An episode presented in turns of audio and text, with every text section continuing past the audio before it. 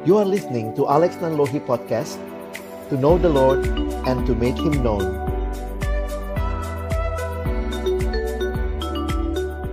Mari berdoa sebelum kita membaca merenungkan firman-Nya. Kami datang dalam ucapan syukur kepadamu Tuhan. Terima kasih buat kesempatan boleh bersama-sama bersekutu memuji memuliakan namamu. Kami dari berbagai PMK di Jakarta dan sekitarnya. Sekali lagi kami bersyukur buat kesempatan yang indah ini dan kami telah mem memuji namamu, menaikkan doa kepadamu, mendengarkan sharing dari kampus yang lain. Dan tiba waktunya bagi kami untuk akan membuka firman-Mu, kami mohon bukalah juga hati kami. Jadikanlah hati kami seperti tanah yang baik, supaya ketika benih firman-Mu ditaburkan itu boleh sungguh-sungguh berakar, bertumbuh dan juga berbuah nyata di dalam hidup kami. Berkati hambamu yang menyampaikan, semua kami yang mendengar, Tuhan tolong kami semua agar kami bukan hanya jadi pendengar-pendengar firman yang setia, tapi mampukan dengan kuasa dan pertolongan rohmu yang kudus. Kami dimampukan menjadi pelaku-pelaku firman-Mu di dalam hidup kami, di dalam masa muda kami. Bersabdalah ya Tuhan, kami anak-anakmu sedia mendengarnya. Dalam nama Yesus, Sang Firman yang hidup, kami menyerahkan pemberitaan firman-Mu. Amin. Shalom, selamat sore teman-teman sekalian. Senang bisa kembali berbagi dengan teman-teman sekalian dalam satu topik yang menarik untuk kita renungkan sama-sama gitu ya. Kita bicara soal besti-bestian hari ini ya. Walaupun ini bicara tentang penginjilan, tetapi sekali lagi kiranya kita juga bisa memahami bahwa metode atau bukan metode ya, tapi pendekatan persahabatan menjadi satu bagian penting di dalam penginjilan, ya. Nah, baik, saya akan mulai dengan mengajak teman-teman berpikir ya, berpikir sejenak. Jadi nggak usah lama-lama mikirnya ya, sejenak gitu ya. Kalau mau pakai sekejap ya. Apa yang muncul di benakmu ketika mendengar istilah penginjilan? Nggak usah diketik, cuman apa yang muncul di benakmu. Pikirin aja. Saya kasih waktu 10 detik. Begitu dengar kata penginjilan, bayangannya apa? Ya, apa aja silakan ya 10 detik. 5 4 3 2 1 gol. Oke. Sekarang saya minta teman-teman dari apa yang kamu pikirkan di benakmu waktu dengar kata penginjilan, coba ya sekarang lihat emoticon, pilih satu emoticon yang menurut kamu paling menggambarkan hal itu yang muncul di pikiranmu. Ya? Kedengaran kan suara ya, Pak? Kedengaran, Dek. Oke, ini tadi soal penginjilan ya. Hmm. Uh, kalau tadi aku emotnya yang ini yang ada uh, emot yang ada gambar love-love-nya. Oke, kenapa dek pilihnya itu?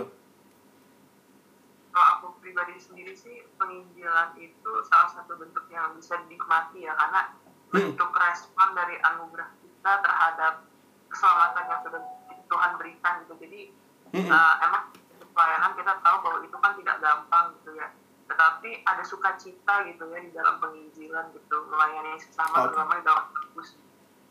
Oke, thank you Andrew. Ah, Oke, abang pilih satu lagi ya. Kalau tadi laki-laki, sekarang perempuan. Nah, ini dari eh, minta tolong Dorothy. Dorothy dari UI, silakan. Iya, Bang. Ini Thea ya. Dorothy atau Taya? Oh sorry, ini Dorothy-nya bukan Dorothy Thea berarti. silakan Dorothy yang ini yang dari UI 2018. Oh iya, Oke. beda Bang. Taya, beda. Oke, silakan dek. Kalau aku emotnya tadi yang kayak terharu gitu, ada netes air matanya. Oh, aku pikir ngiler bukan ya? Eh, bukan. Air mata ya. Kenapa dek? Mm-mm. Eh, kadang kalau dengar, eh, misalnya kita lagi bersaksi nggak harus tentang Alkitab, sih, misalnya tentang Hmm. hidup kita ke teman-teman yang eh, belum mengenal Kristus, Hmm. dan respon apa dengar respon mereka atau apa yang mereka nikmati atau nggak harus dari aku gitu misalkan mereka nonton Ah, uh, podcast tentang uh, tentang gimana sih kedekatan orang Kristen dengan Tuhannya tuh bikin aku suka terharu gitu atau uh, tentang penginjilan sendiri aku sebagai orang yang uh, juga dipanggil Tuhan untuk terlibat ya aku juga terharu gitu. Hmm, oke. Jadi itu terharu ya, air mata haru ya. Thank you, Dek. Makasih ya. Oke, nah teman-teman ini satu hal yang menarik kalau kita mau sharing semua paling tidak thank you ya yang udah share emotikonnya tadi. Nah, uh, Abang ingin memulai dengan mengajak kita melihat bahwa dalam berbagai respon yang kita miliki, mungkin ada yang excited, ada yang terharu kayak Dorothy, ada yang kayak Andrew mungkin lovely banget gitu ya. Nah, realitanya ya, ini satu data yang dikumpulkan oleh bilangan research tahun yang lalu ya dalam survei yang mereka keluarkan tahun lalu itu surveinya cukup mengejutkan lah ya melihat beberapa situasi. Nah, ini yang dilakukan ada dua survei sebenarnya bersamaan, satu survei ke orang muda, satunya survei ke jemaat secara umum ya. Nah, coba perhatikan apa yang menjadi hasil surveinya. Misalnya yang pertama ini ya satu dari tiga anak muda Kristen Indonesia menganggap bahwa semua agama menyembah Tuhan yang sama. Wow, ini katanya satu dari tiga anak muda Kristen Indonesia. Jadi inilah realita yang ada yang hasil survei lah kira-kira begitu ya. Nah, coba lihat lagi hasil yang berikutnya.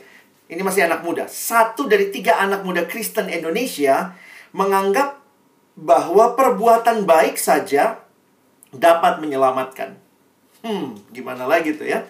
Kalau gitu nggak usah penginjilan lah ya, udah tutup aja PMK, ya udah kita baik-baik aja hidup begitu ya.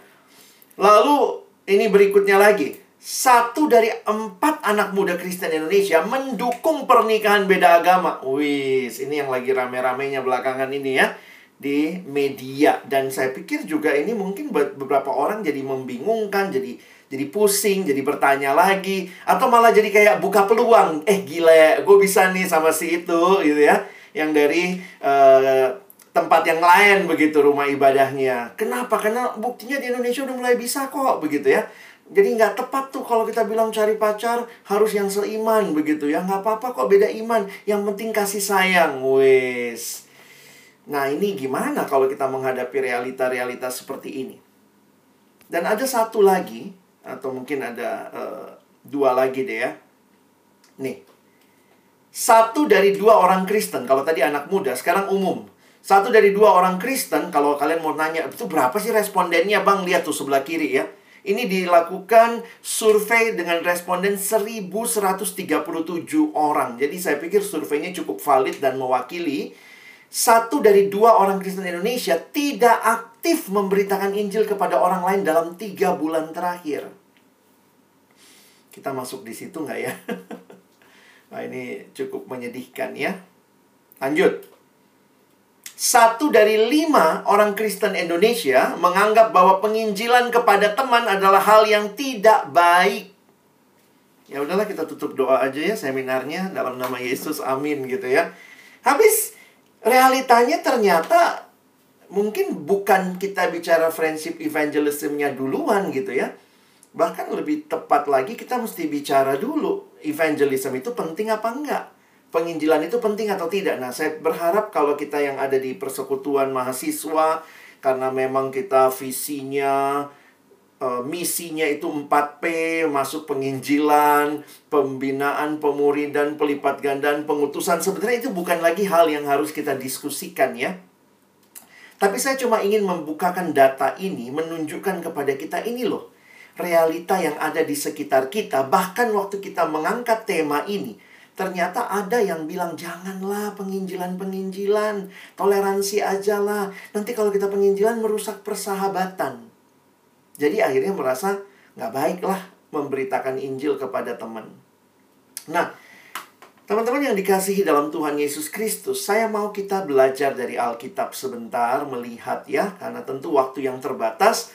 Abang sih buka kesempatan kalau sesudah ini ada yang mau belajar lebih dalam lagi, nanti bisa kita uh, join sama-sama kita belajar dalam uh, kelas yang lebih kecil ya, karena kelas yang besar seperti ini saya hanya bisa memaparkan pemahaman secara umum.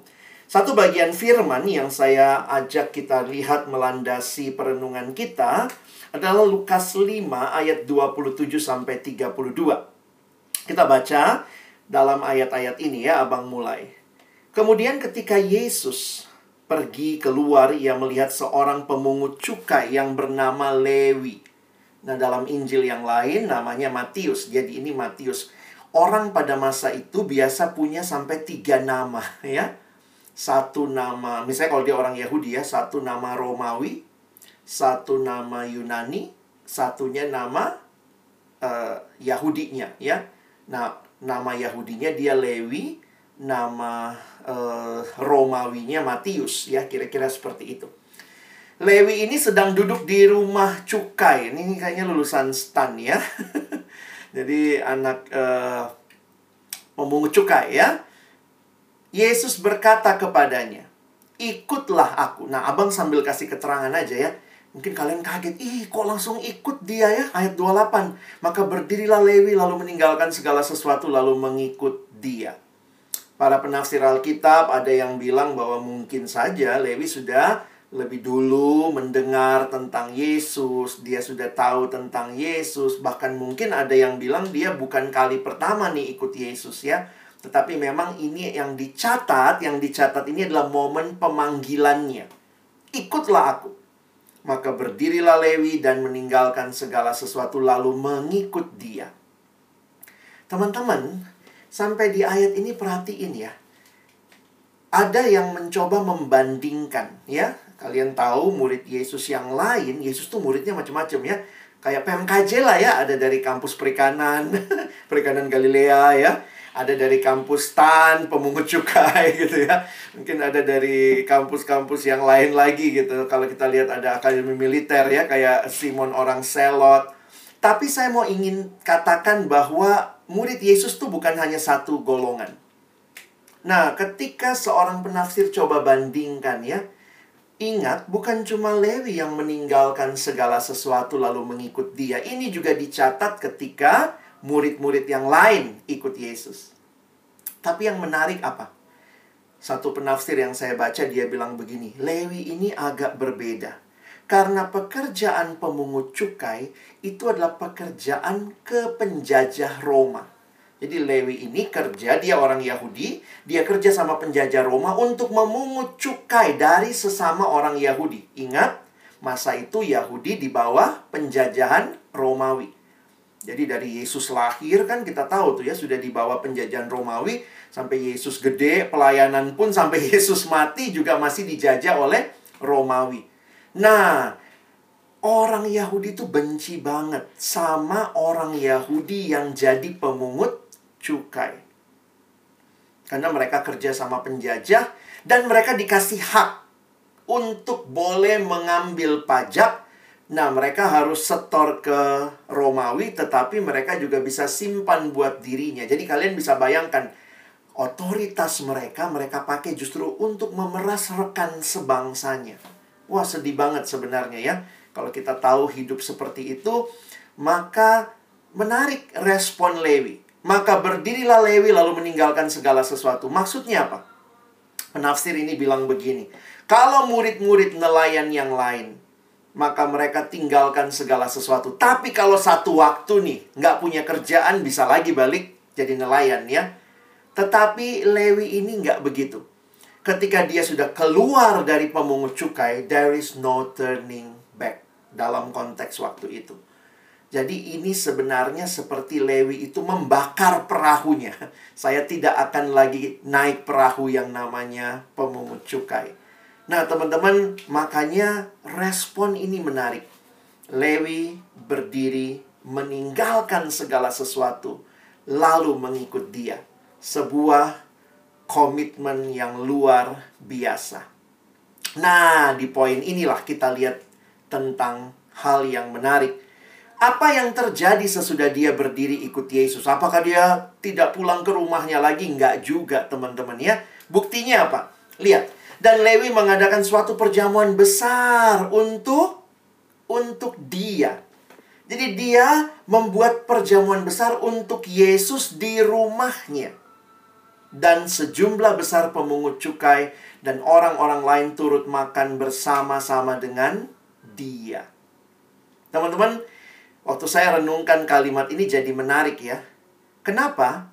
Karena Lewi mengadakan perjamuan besar untuk Yesus. Tetapi dia juga ada teman-temannya yang datang. Jadi siapa yang mengundang kira-kira? Hampir pasti bukan Yesus. Yesus mah mungkin nggak tahu banyak pemungut cukai. Siapa pemungut cukai yang mengundang sesama pemungut cukai? Ya Lewi. Dia mengundang mereka makan. Dan makannya menarik. Bukan dengan Lewi. Tapi dengan dia. Dengan Yesus. Siapa yang paling efektif memperkenalkan Yesus kepada pemungut cukai waktu itu? Sesama pemungut cukai. Siapa yang paling efektif memperkenalkan Yesus kepada sesama mahasiswa, yaitu para mahasiswa. Siapakah yang paling efektif menjelaskan, memperkenalkan tentang Yesus kepada sesama orang yang dalam satu profesi, ya teman seprofesinya. Jadi bagi saya menarik ya, ketika Lewi berjumpa dengan Tuhan, maka di dalam hatinya timbul kerinduan supaya teman-temanku pun kenal Tuhan. Apakah ini pesta perpisahan? Mungkin ya. Tetapi Lewi tidak sekadar membuat pesta perpisahan karena dia sudah bakar perahunya, dia tidak lagi pemungut cukai, tetapi pesta itu pun menjadi kesempatan yang dia pakai untuk memperkenalkan teman-temannya kepada Yesus. Nah, dan kalian bisa lihat ya dalam Injil Lukas Yesus bukan hanya kali ini ketemu sama pemungut cukai. Banyak kesempatan Yesus juga ketemu sama pemungut cukai ya. Dan lihat respon orang Farisi ayat 30. Orang-orang Farisi dan ahli-ahli Taurat bersungut-sungut kepada murid Yesus katanya, "Mengapa kamu makan dan minum bersama-sama dengan pemungut cukai dan orang berdosa?" Teman-teman, waktu saya pikir ini ya. Sebenarnya gini loh teman-teman ya. Harusnya mereka senang ya. Karena Yesus bisa melayani pemungut cukai. Bukannya malah sungut-sungut. Yang mereka soroti Yesus makan dan minumnya. Mereka tidak melihat perjumpaan Yesus dengan orang Farisi dan ahli uh, dengan pemungut cukai itu. Teman-teman, satu tafsiran yang saya baca mengingatkan hampir pasti pemungut cukai ini enggan datang ke rumah ibadat. Enggan datang ibadah. Kenapa? Mereka dibenci oleh sesama Yahudi. Jadi, di mana tempat menjangkau orang yang nggak pernah datang ke sinagoge? Waktu Yesus dapat kesempatan ini, orang Farisi ahli Taurat bukannya seneng, malah sungut-sungut. Nah, itu waktu saya merenungkan itu, menarik juga ya. Gimana temenmu? Pernah ketemu Yesus nggak? Kamu bisa nggak bawa mereka ke gereja? Mungkin susah ya. Kalau kamu tidak bisa membawa mereka ke gereja supaya mereka ketemu Yesus, maka kamu bisa datang kepada mereka. Karena kamu sama-sama mahasiswa, sama-sama satu kos, membawa Yesus kepadanya. Jadi, gereja itu bukan cuma gedung ya, tapi dirimu sebagai orang yang telah ditebus. Jadi menarik sekali respon orang Farisi malah sungut-sungut. Perhatikan. Lalu jawab Yesus kepadanya, bukan orang sehat yang memerlukan tabib, tetapi orang sakit. Aku datang bukan untuk memanggil orang benar, tetapi orang berdosa supaya mereka bertobat. Kalimat aku datang bukan untuk memanggil orang benar sebenarnya bisa kita kaitkan karena Yesus ngomongnya ke siapa nih? Ayat 31. Lalu jawab Yesus kepada mereka. Merekanya siapa? yang tadi yang sungut-sungut, ya. Orang Farisi dan ahli Taurat. Menarik juga ya. Mereka sungut-sungutnya sama murid Yesus. Tapi siapa yang jawab? Yesus langsung jawab ya. Bukan orang sehat yang memerlukan tabib, tetapi orang sakit. Itu logika umum. Maka kalimatnya disambung. Aku datang bukan untuk memanggil orang benar atau orang yang merasa dirinya benar Itulah Farisi ahli Taurat.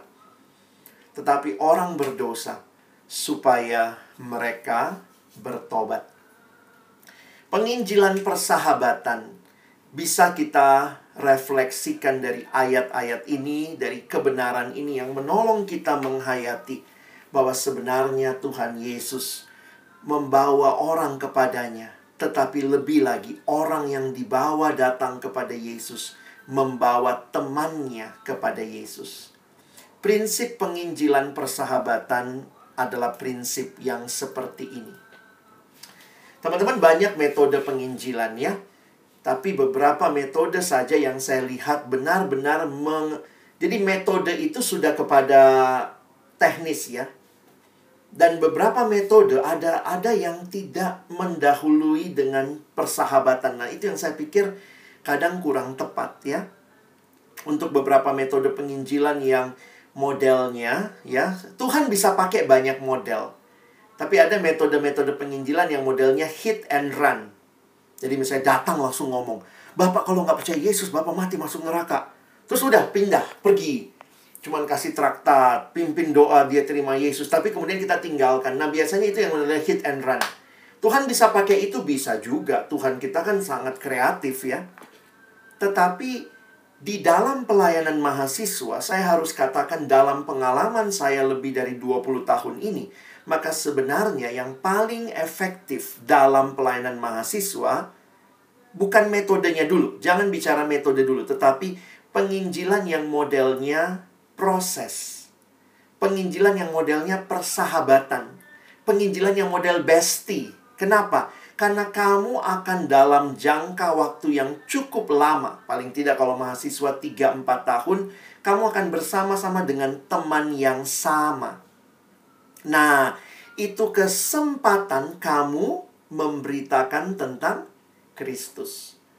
Nah, di sini teman-teman, kita jadi menyadari ya bahwa kita punya kesempatan.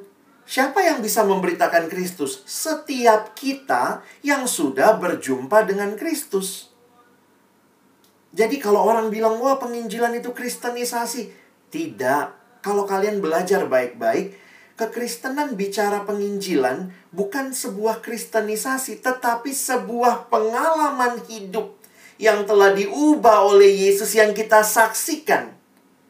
Jadi, kalian harusnya punya pengalaman dengan Kristus. Makanya, memang paling tidak ya, kamu harus terima Yesus lah. Masa mau penginjilan kamunya saja nggak mengalami Injil? Mengalami bahwa Yesus telah menyentuh hidupmu seperti Lewi tadi. Maka siapakah yang bisa jadi penginjil setiap orang yang sudah mengalami berita Injil. Maka bagaimana membawanya dalam persahabatan? Nah, persahabatan itu seperti apa? Jadi masa setiap kali ngomong sama dia kita mesti ngomong Yesus, neraka, surga. Nah, itu berarti kamu nggak ngerti ya bahwa sebenarnya persahabatan yang tulus membuat kita semakin kenal teman kita. Teman kita semakin kenal kita dan kesempatan-kesempatan kita menyaksikan apa yang Tuhan lakukan bagi hidup saya. Jadi kalau kita bicara apa yang Tuhan lakukan, kita nggak bisa dia bilang, oh nggak boleh kau ngomong begitu loh. Kok nggak boleh? Itu kan yang saya alami dengan Tuhan Yesus. Dulu ya, aku itu orangnya pemarah banget. Tapi sekarang aku berubah. Nah gitu kan. Nah dari situ kan kita jadi satu kesempatan bersaksi boleh nggak saya cerita kenapa saya bisa berubah? Jadi sebenarnya modal dasar penginjilan, persahabatan, pertama kamu alami berita Injil, yang kedua kamu punya sahabat. Di mana dalam persahabatan itu kamu sedang menyaksikan. Jadi kamu ya ini mesti selalu ingat ya, di Indonesia negara pluralis. Karena kita pluralis berarti tidak semua orang beragama yang sama. Maka selalu ingat kamu punya kesaksian, tapi ceritakanlah dengan elegan. Maksudnya apa, Bang? Elegan itu begini. Setiap kali mau bercerita kesaksianmu, selalu tanya persetujuan. Contoh kayak Abang bilang tadi ya. Ya dulu aku ini sebenarnya aduh rokokku itu udah kayak kereta api tuh. Wah, ngerokok terus aku sibuk ya. Hidupku pokoknya ya nggak jelas lah. Tapi kemudian aku akhirnya bisa berubah. Wah, luar biasa pengalaman itu. Nah, itu kan cara bercerita ya. Nah, sampai di situ kau berhenti dulu ya. Baru tanya, boleh nggak saya cerita kenapa saya bisa berubah seperti ini? Kalau dia bilang boleh, baru kita cerita. Jadi nanti kalau kita sudah cerita ini karena Tuhan Yesus dia mati menyelamatkan saya dan tapi bukan cuma buat saya tapi untuk semua kita di dunia ini. Ih, kau kristenisasi. Heh, Aku lagi cerita, kan aku tanya tadi, boleh nggak aku cerita? Kau bilang boleh, makanya aku cerita. Gitu ya. Kalau dia bilang nggak boleh, kalau dia bilang nggak boleh nggak apa-apa. Besok kita ngobrol lagi sama dia. Ih, gila kali ya artis-artis ini mau cepet kaya ya. Kayak gini-gini. Wih, ngomong-ngomong ya, apa sih tujuan hidupmu? Wah, aku juga pengen kaya. Ih, aku juga dulu kayak gitu loh. Aku tuh pingin kali kaya. Tapi, akhirnya aku jadi sadar bukan itu loh yang paling utama dalam hidup. Wah, sejak hari itu aku sekarang punya tujuan hidup yang baru. Boleh nggak aku cerita? Boleh nggak? Dia bilang boleh, kita cerita. Kalau dia nggak bilang nggak boleh, nggak apa-apa. Besok ada lagi ceritaku. Kan hidupmu sama Yesus tiap hari kan? Kecuali kalau aku cuma tiap bulan bang. Sebulan sekali. Nah, cara mengemas ceritanya, nah itu sebuah kesaksian. Makanya cara bercerita juga kita harus kemas dengan baik ya. Jangan begini. E, dulu aku perokok berat, tapi kemudian aku ikut KKR, aku kenal Yesus, aku angkat tangan waktu ditantang. Itu kan semua bahasa-bahasa Kristen. Dia kaget apa itu? Jadi ingat lihat kayak cara abang bercerita ya, sem bukan sembunyikan. E, berikan berikan berikan ruang untuk dia mendengar dan punya keinginan.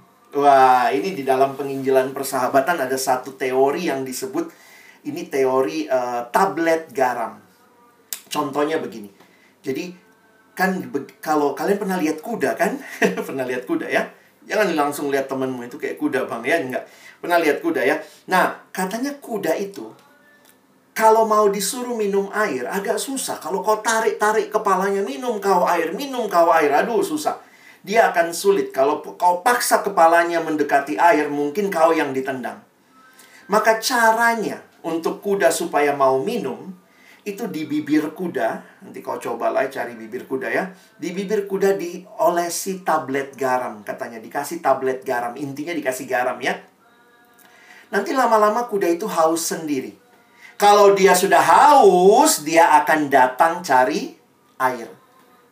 Nah, Prinsip ini dalam penginjilan persahabatan dipakai. Apa yang kita lakukan? Kita memberikan tablet garam. Sehingga orang itu punya keinginan untuk dengar lebih jauh. Jadi kita nggak memaksa. Nah, lihat cara abang bercerita tadi ya. Aku juga dulu begitu. Makanya kan kalau kamu menyusun kesaksianmu, kamu bisa lihat dulu hidupmu kayak apa. Aku juga dulu cuma mau kaya, kaya, kaya. Aku dulu juga seperti itu loh. Jadi kalau kamu ketemu orang yang pengalaman hidupnya mungkin sama dengan kamu dulu, jangan langsung menghakimi. Wah, mati masuk neraka kau. Aku dong, tujuan hidupku sudah baru. Kamu masih tujuan hidup yang lama. Itu bukan cara bercerita yang baik. Itu kamu nggak kasih kesaksian. Kamu menjadi orang yang sombong dalam kerohanian. Tetapi kalau kamu mengerti kesaksian, berarti kamu tahu siapa hidupmu dulu. Kalau dia bilang, ah aku ini pokoknya yang penting kaya. Ih, aku juga kayak begitu dulu. Ya, jadi kita berdamai dengan masa lalu kita. Aku persis kayak kau dulu. Sama kita. Tos dulu kita ya. Ah, cuma ya. Aku akhirnya satu waktu dalam hidup. Ya nggak usah kau sebut. Aku ikut KKR. Aku terima Yesus. Itu bahasa-bahasa yang dia nggak paham. Jadi kau ceritakanlah. Tetapi waktu satu waktu. Ada satu waktu dalam hidup. Wah, di situ aku berubah 180 derajat. Sekarang bukan uang lagi lah tujuan utama. Aku butuh uang, tapi bukan uang tujuan utama. Sekarang aku punya tujuan yang lain. Wah, itu sangat membebaskan aku. Dulu asal lihat apa, bagaimana supaya dapat dapat uang. Sekarang aku udah bebas hatiku. Wah, dengan kamu bercerita di situ, kamu sedang memberikan tablet garam, ya nanti sampai di situ dia wih kayak gitu ya. Ya mungkin dia nggak ngomong ya tapi diam aja. Jadi kita cerita aja. Nah habis kamu cerita itu diam sebentar ya biar aja tablet garam bekerja. Baru kau tanya boleh nggak saya cerita? Kenapa saya bisa begitu yakin dengan tujuan baru saya? Mungkin dia sudah nanya dari tadi kok bisa dia punya tujuan begitu ya? Kayak mana hidupnya ya Nah, waktu dia udah bertanya-tanya dalam hati sambil kita berdoa, Tuhan kasih kesempatan saya sharingkan tentang siapa engkau yang mengubah hidupku. Tanya, boleh nggak saya cerita kenapa saya bisa punya hidup yang seperti ini sekarang? Kalau dia bilang boleh, ya mungkin kamu bahasanya jangan gitu ya. Eh, mau denger nggak ceritaku? Kayak mana ya? Jadi pakailah bahasa pergaulanmu ya.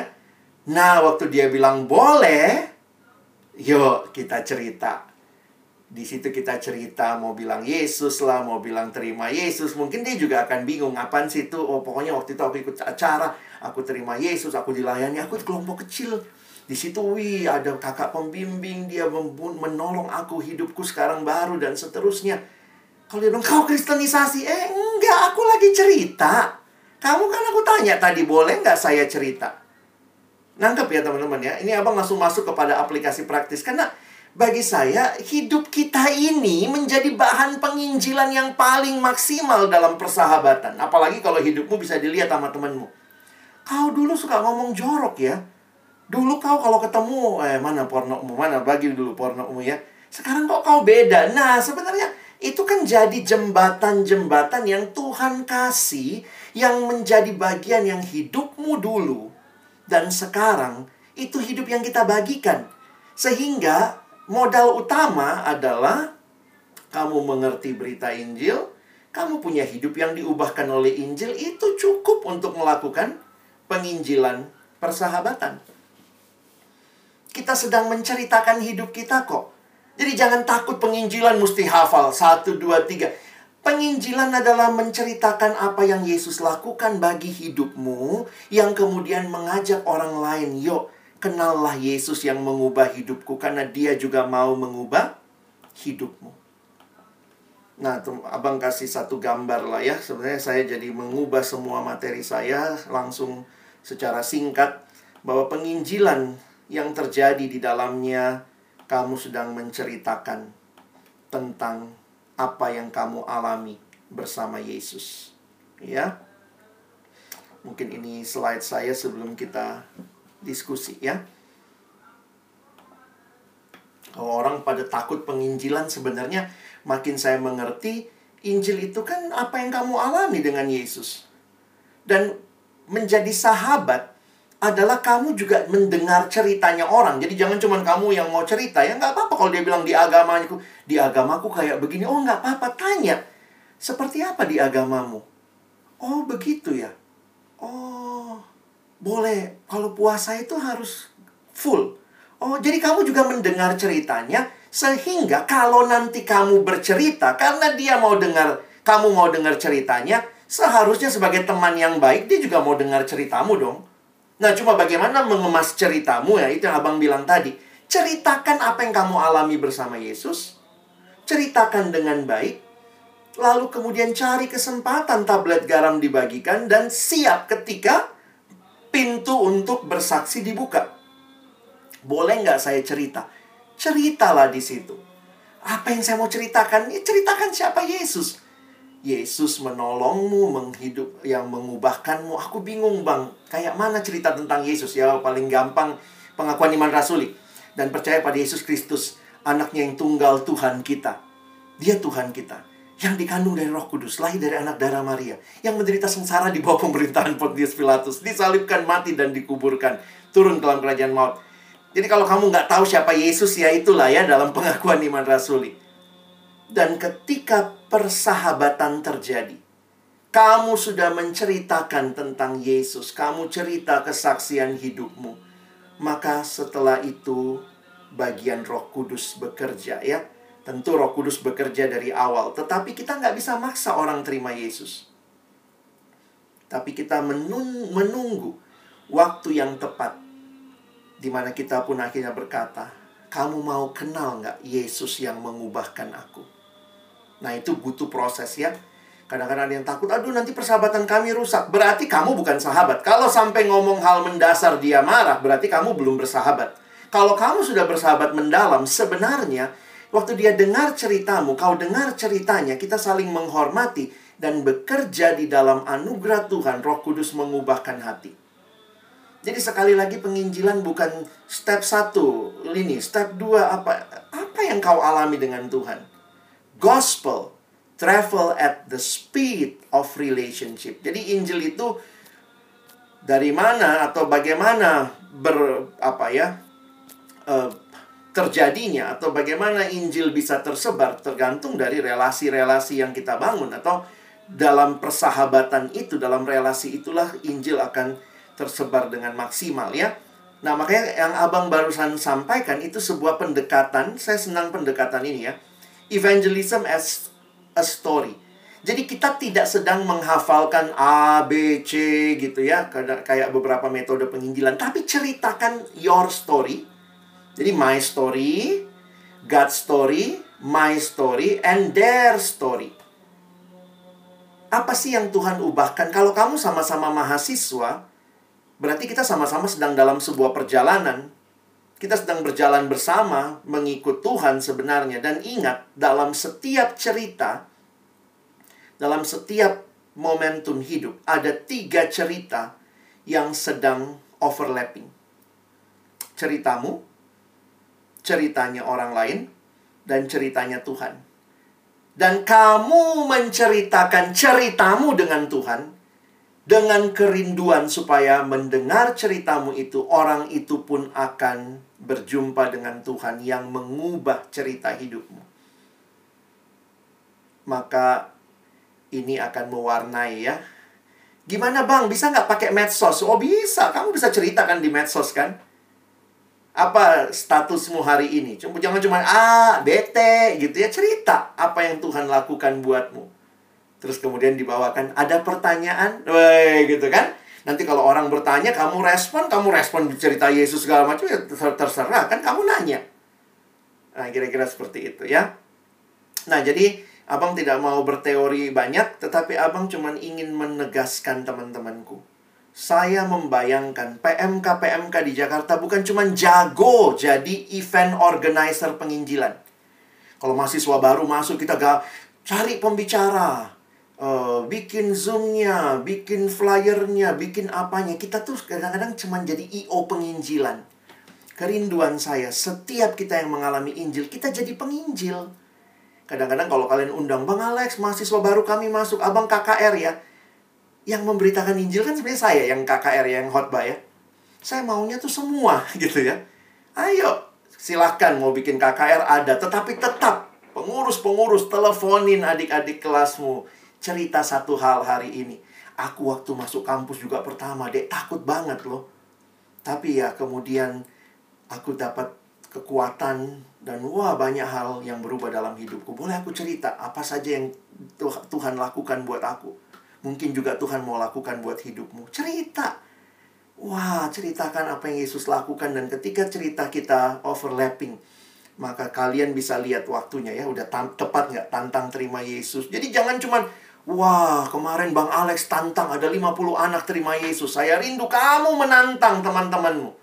Yang adik-adik kelasmu ya, tantang mereka. Maukah engkau terima Yesus? Tetapi setelah kamu men-sharingkan apa yang kamu alami dengan Yesus dan lihat, minta dengan kuasa Roh Kudus ya.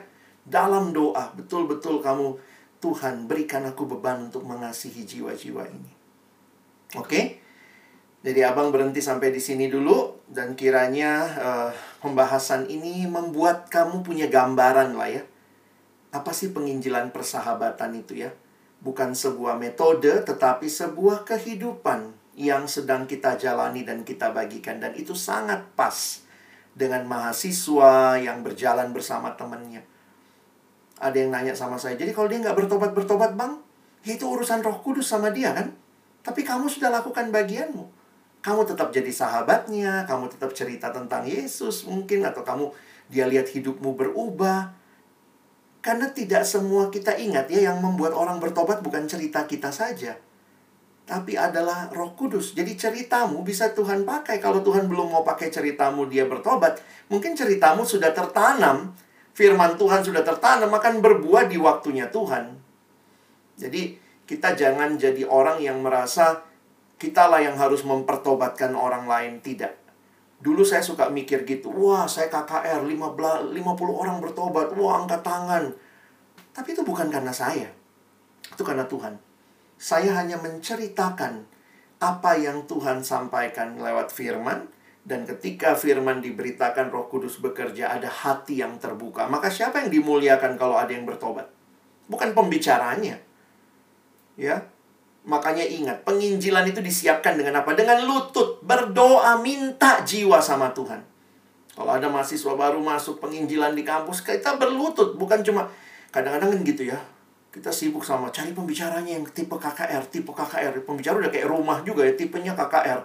Kita tuh jago bikin KKR ya, tapi kita nggak jago penginjilan persahabatan. Ketemu sahabat, kita semua diem. Kita nggak tahu mesti cerita apa. Nah, di sini abang mendorong kalian menjadi seperti Lewi. Ya, baik. Silakan kalau ada yang mau bertanya, kiranya ini juga bisa kita manfaatkan. Saya persilakan. Oke. Kalau kita sengaja, to coba tolong dibaca deh, soalnya agak kecil dia bang. Oke, uh, kalau kita sengaja berteman dengan seseorang hanya karena mau penginjilan itu baik nggak bang? Atau harus murni dulu kita berteman, baru selanjutnya kita penginjilan, gitu bang? Ya ini pertanyaannya agak susah ya telur ayam telur ayam ya. Kalau kamu alami berita Injil, sebenarnya nggak usah terlalu dipikirin. Nanti kalau saya berteman, lalu saya penginjilan, itu menyatu dengan hidupmu. Jadi nggak usah dipisah-pisah. Bersahabatlah. Dan ketika kamu bersahabat dengan wajar, karena kamu sudah diubah oleh Kristus, maka Injil itu akan kamu sampaikan dengan hidupmu dan perkataanmu. Jadi saya lihat jangan sampai punya dikotomi ya.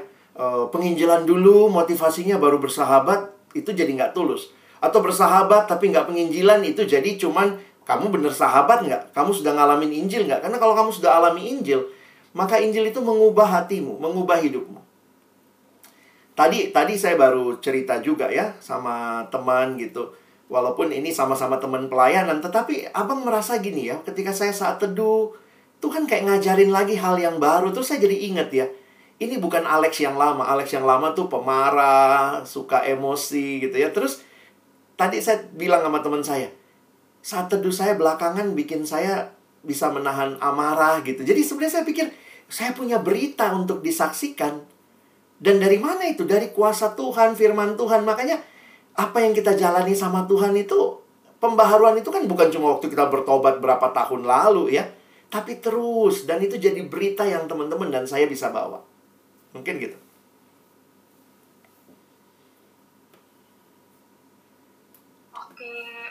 Pertanyaan berikutnya bang hmm. uh, itu bang gimana caranya biar dalam penginjilan kita tidak terlihat suci dan menggurui oke okay. Beberapa metode penginjilan memang tanpa sadar ya khususnya maaf ini abang karena saya ngajar ngajar mata kuliah penginjilan di STT ya jadi saya juga melihat beberapa metode beberapa metode kita itu dari barat jadi metode dari barat itu maksudnya gini kadang-kadang kalau penginjilan saya ngomong kamu dengar. Misalnya saya lagi PI ke Mari ya. Nah, saya PI, nah Mari dengar tuh diem. Jadi kesannya adalah saya paling tahu, Mari nggak tahu. Jadi itu juga bagi saya kurang pas ya untuk konteks Indonesia yang kita bersahabat. Kalau bersahabat kita juga perlu dengar ceritanya. Saya juga perlu dengar cerita dia untuk saya bisa membangun relasi dengan dia. Jadi kalau saya mau dengar cerita dia, maka sebenarnya nggak ada tuh. Nggak ada kesan bahwa sok suci, sok tahu, sok benar. Tapi kalau saya mendengar cerita, dia mendengar cerita, kita lagi berbagi cerita. Ya. Jadi ya mungkin nah makanya abang-abang pengen kalau ada yang tertarik nanti kita bisa bikin kelas lebih kecil, kita belajar lebih jauh ya. Apa sih yang bisa kita lakukan? Tapi poin utamanya saya udah bilang tadi. Ceritamu aja, jadi cerita Masa kalau kita cerita dibilang sok suci? Nah, itu mesti bicara cara bercerita. Makanya, kayak abang bilang tadi, siapa yang dulu pernah nyontek? Ayo, angkat tangan. Oh, kita semua pernah nyontek kan? Sekarang udah nggak lagi, udah pengurus PMK, masa masih nyontek. Tapi bagaimana mengemas kesaksian tentang nyontek? Kamu dengar cerita temenmu, aduh tadi susah banget ujiannya, aku akhirnya nyontek tadi. Gimana responmu? Kalau kamu bilang dalam nama Yesus, oh nggak boleh begitu ini salib nih. Wah, kau memang anak durhaka. Ya orang nggak bakal bilang, ih sok suci banget dia ya. Gimana cara ceritanya? Kau nyontek tadi ya? Hi, sama, aku juga dulu kayak kamu. Persis kita.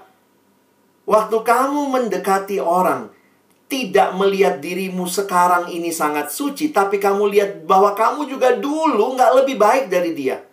Makanya lihat cara abang tadi ya. Kau nyontek ya? Sama aku juga dulu. Dulu. Sekarang tuh sudah mulai beda. Nah, Itu ya.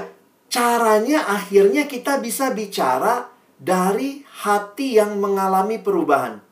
Dan kalau kamu alami Injil benaran, Injil itu nggak bikin kita sok suci loh. Injil itu akan bikin kita rendah hati. Bahwa kalau bukan karena anugerah Tuhan, saya tuh nggak lebih baik dari dia. Nah, gitu deh. Jadi, kalau ketemu akak kamu mungkin gitu ya, akak kamu datang, abang, aku nonton film porno. Jangan langsung dalam nama Yesus ngomongnya. Tapi, dek, aku juga dulu sama sama kamu. Tapi Tuhan ubahkan aku. Jadi kita ceritanya bukan dari aku sekarang dong, hebat kan, nggak pernah jatuh. Tapi kita ingat bahwa kita nggak lebih baik, tetapi saya bisa begini karena anugerah Tuhan. Jadi banyak orang Kristen juga nggak tahu jadi pemimpin yang baik karena yang keluar tuh penghakiman. Aku suci, kamu nggak suci. Harusnya sadari apa? Aku juga dulu nggak suci. Sekarang bisa suci itu karena anugerah Tuhan. Karena itu, kamu punya harapan. Kamu jatuh dalam dosa, bisa berubah. Buktinya aku. Nah, begitu harusnya kesaksian.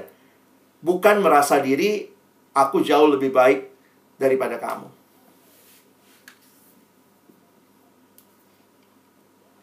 Oke, terima kasih Bang. Mungkin yang selanjutnya itu ada um, gimana Bang kalau pas kita penginjilan eh dia nanya yang macam-macam Hmm. yang kita belum belajar tentang teologi. Nah, gimana itu? Apakah kita harus belajar dulu sebelum penginjilan? Numpang tanya. Kalau temanmu tanya yang kamu nggak tahu, kamu bilangnya apa? Poinnya gini loh, jangan ja- kalian harus clearkan di pikiranmu, kita tidak datang sebagai penginjil, kita datang sebagai sahabat. Nah, kalau sahabat, temanmu, kamu tem- punya teman nggak sih? Punya ya? Mari deh, mari kalau teman tanya, "Eh, bagaimana perakiraan cuaca nih BMKG nih? Terus kamu nggak tahu teorinya, apa yang Mari akan bilang sama dia? Eh, lihat sumber dulu Bang, tapi kalau masih ragu Heeh. nanti saya kasih tahu. Ah, bagus gitu. Nanti saya kasih tahu atau eh mau nggak? Aku nanti cari bahan kita baca sama-sama ya. Jadi kalau kita sebagai teman nggak malu kalau nggak bisa jawab tuh nggak malu. Ini beberapa dari kita tuh suka merasa malu. Dia tanya teologi-teologi gitu bang, aku kan nggak tahu bang. Loh terus kenapa malu? Kan temen. Kecuali bukan temen ya. Dia dosen pengujimu, kamu ditanya nggak tahu ya malulah kamu ya nilaimu jelek. Jadi clearkan dulu, kita lagi bersahabat, sahabat-sahabatku. Kita nggak lagi jadi dosen teologi yang menjelaskan konsep apa. Kalau belum tahu bagaimana? Bilang belum tahu. Ih, bagus sekali pertanyaanmu. Itu juga jadi pertanyaanku. Aku pengen belajar juga. Nanti aku punya kakak rohani, aku tanya ya. Nanti kalau aku udah tahu, aku ceritain ya. Kan kayak gitulah. Maksudnya, eh saya nggak tahu ya. Kalau kalian sungguh-sungguh bersahabat, waktu kamu nggak bisa jawab pertanyaannya, pasti sahabatmu juga paling ceng-cengin Allah katanya pinter katanya anak P PMK kok nggak tahu? Ya nggak apa-apa bilang ah ya, kau juga emang kau tahu semua coba aku tanya agamamu. Tunggu ya nanti kita pelajari minggu depan. Teman-teman responi sebagai sahabat jangan responi sebagai ahli teologi ya. Saya belum tahu tentang itu. Ya saya sekolah teologi dulu tiga tahun ya baru kita lanjut lagi penginjilan ya nggak selesai teman-teman ya Oke, lanjut. Oke bang. Nah yang selanjutnya ini eh, mungkin kebalikan yang dari yang pertanyaan kedua tadi. Hmm. Bang gimana solusinya di saat kita sebenarnya ada niat menyebarkan Injil pada teman, namun di satu sisi kita masih merasa berdosa dan tidak layak. Teman-teman, itulah yang abang bilang tadi ya. Tidak ada dari kita yang sudah sempurna. Kalaupun sekarang kita sedang tidak berdosa, ingat selalu dulu kita itu I once was lost, but now I'm found. Jadi jangan juga tunggu ya. Saya bukan berkata ya silahkan berdosa-berdosa pun silahkan pelayanan. Tetapi poinnya abang begini ya. Sembari kita bertumbuh, meninggalkan dosa, kita ambillah kesempatan menceritakan Injil ini. Kalaupun dia bilang, ah kau pun hidupmu masih seperti itu, akuilah ya. Kau lihat aku begini ya, Kemarin pun aku masih pinjemin kau film porno. Aduh, tapi sebenarnya bukan begitu hidup orang Kristen. Jadi kita pun sebenarnya gini ya. Kalau kamu sudah semakin bersahabat, kamu bisa ceritakan bukan hanya perjuangan gagalmu, tetapi perjuanganmu untuk bangkit. Jadi, uh, sekali lagi, jangan berpikir sempurna dulu baru memberitakan Injil. Tapi bagaimana kalau masih berdosa? Bereskan dosanya, lalu ya saya senang dengan pemberitaan Injil itu adalah hidup. Penginjilan itu lifestyle. Jadi apa itu hidup ya? Waktu hidup kamu hidup, kamu membagikan hidup. Ya udah, itu aja gitu. Injil itu jangan kau lihat sebagai ini hidupku, ini Injil. Jadi aku memberitakan Injilnya. Nggak ada hubungannya Injil ini sama hidupku. Enggak, harus menyatu hidup dan Injil dan itu yang diberitakan. Lanjut. Oke, terima kasih Bang. Uh, pertanyaan selanjutnya agak panjang Bang. Jadi ya. Baca. Halo Bang Alex, ada beberapa dari temanku yang kadang bikin jokes tentang Kristen.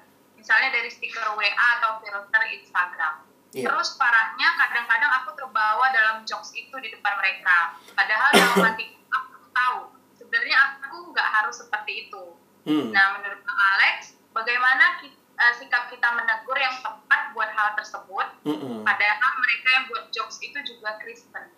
Iya.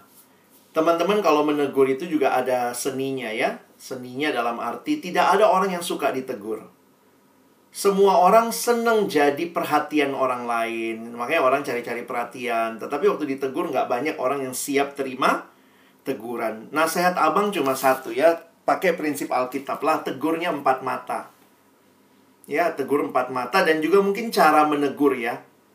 Eh, stikermu itu lucu ya. Tapi kadang-kadang aku pikir bisa jadi sandungan juga ya. Kalau orang yang mungkin melihatnya seperti itu atau bilang aja jujur stikermu waktu dibaca-baca lucu juga ya tapi sebenarnya menurutku aku nggak terlalu sepakat ya jadi carilah cara karena kalau kalian sahabat maka teguran itu juga akan perlu waktu untuk dia terima kita kan susahnya ya uh, generasi kalian ini kan merasa bahwa saya yang paling benar jadi kalau ditegur tuh merasa ya itu kan pendapatmu ini kan pendapatku Nah, saya lebih senang melihat bahwa setiap kali kita tegur-menegur, selalu kita ingat ya.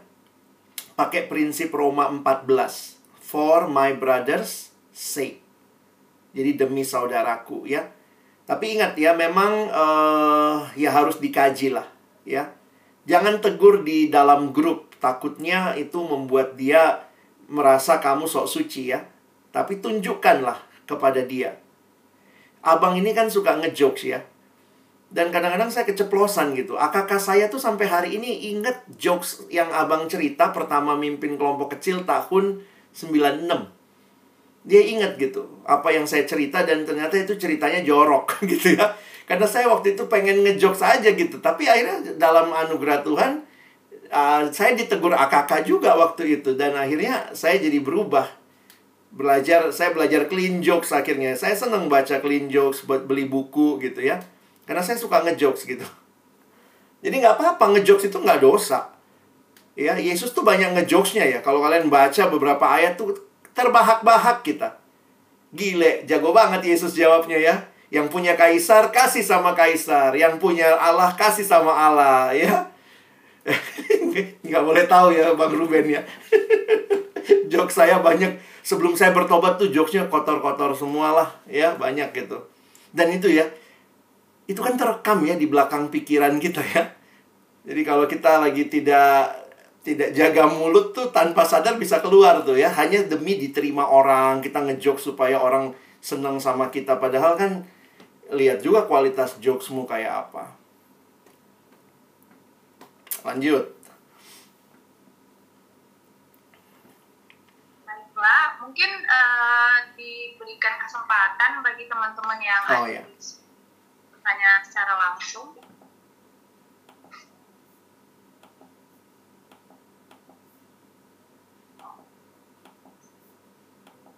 Apakah ada teman-teman yang mau bertanya langsung? next.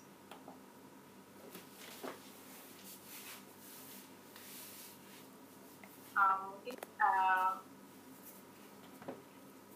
mungkin sampai di sini saja. Boleh nggak abang minta sebentar respon? Saya juga butuh tahu ya, kalian dapatnya apa gitu. Setelah sesi ini, apa doamu ya? Kira-kira apa doamu? Coba dengan singkat kalian tulis di kolom chat. Dan kita doain sama-sama ya. Nggak usah panjang-panjang. Satu dua kalimat pendek. Tuhan Yesus, tolong saya apa gitu ya. Mungkin lanjutkan aja kalimatnya. Tuhan Yesus, tolong saya titik titik titik titik setelah dengar ini ya. Nanti dari situ uh, kita akan tutup doa sama-sama ya. Abang kasih waktu mungkin satu menit. Teman-teman bisa secara spontan, satu dua kalimat singkat sebagai responmu di hadapan Tuhan ya. Bapa Surgawi, terima kasih banyak. Hari ini kami menyatukan doa kami dan kerinduan kami sebagaimana yang dituliskan. Apa yang kami dengar biarlah bukan hanya teori tetapi menggerakkan kami untuk rindu membagikan hidup yang sudah kau tebus, kau ubahkan, supaya ada orang-orang di sekitar kami yang hidupnya juga boleh mengenal siapa Yesus. Tuhan, terima kasih. Apa yang kami terima hari ini mungkin hanyalah bagian yang umum, tetapi lebih lagi kerinduan kami. Tolong kami lebih terampil lagi, akhirnya bisa membagikan kabar baik ini dalam keseharian kami. Sekali lagi kami bersyukur, tolong di kampus lebih banyak anak-anak yang rindu membagikan Injil ketimbang hanya jadi pengurus yang menjadi IO penginjilan hanya mengundang pembicara, menyiapkan MC, hanya menyiapkan Zoom, menyiapkan flyer, tapi lebih lagi menyiapkan kesaksian hidup sehingga ketika berjumpa dengan orang-orang yang Tuhan izinkan kami temui. Kami bisa membagikan apa yang kami nikmati bersama Tuhan. Terima kasih sekali lagi, tolong semua teman-temanku, adik-adikku, bukan hanya jadi pendengar firman, tetapi jadi pelaku firman. Terima kasih untuk teladan Lewi, yang juga merindukan sahabat-sahabatnya, sahabat yang mungkin tidak pernah bisa ke gereja, sahabat yang mungkin tidak akan pernah bisa masuk dalam lingkungan rohani, tetapi Lewi membawa mereka berjumpa dengan Kristus melalui persahabatannya. Kami juga rindu seperti itu Tuhan. Dalam nama Yesus kami berdoa, kami bersyukur. Amin.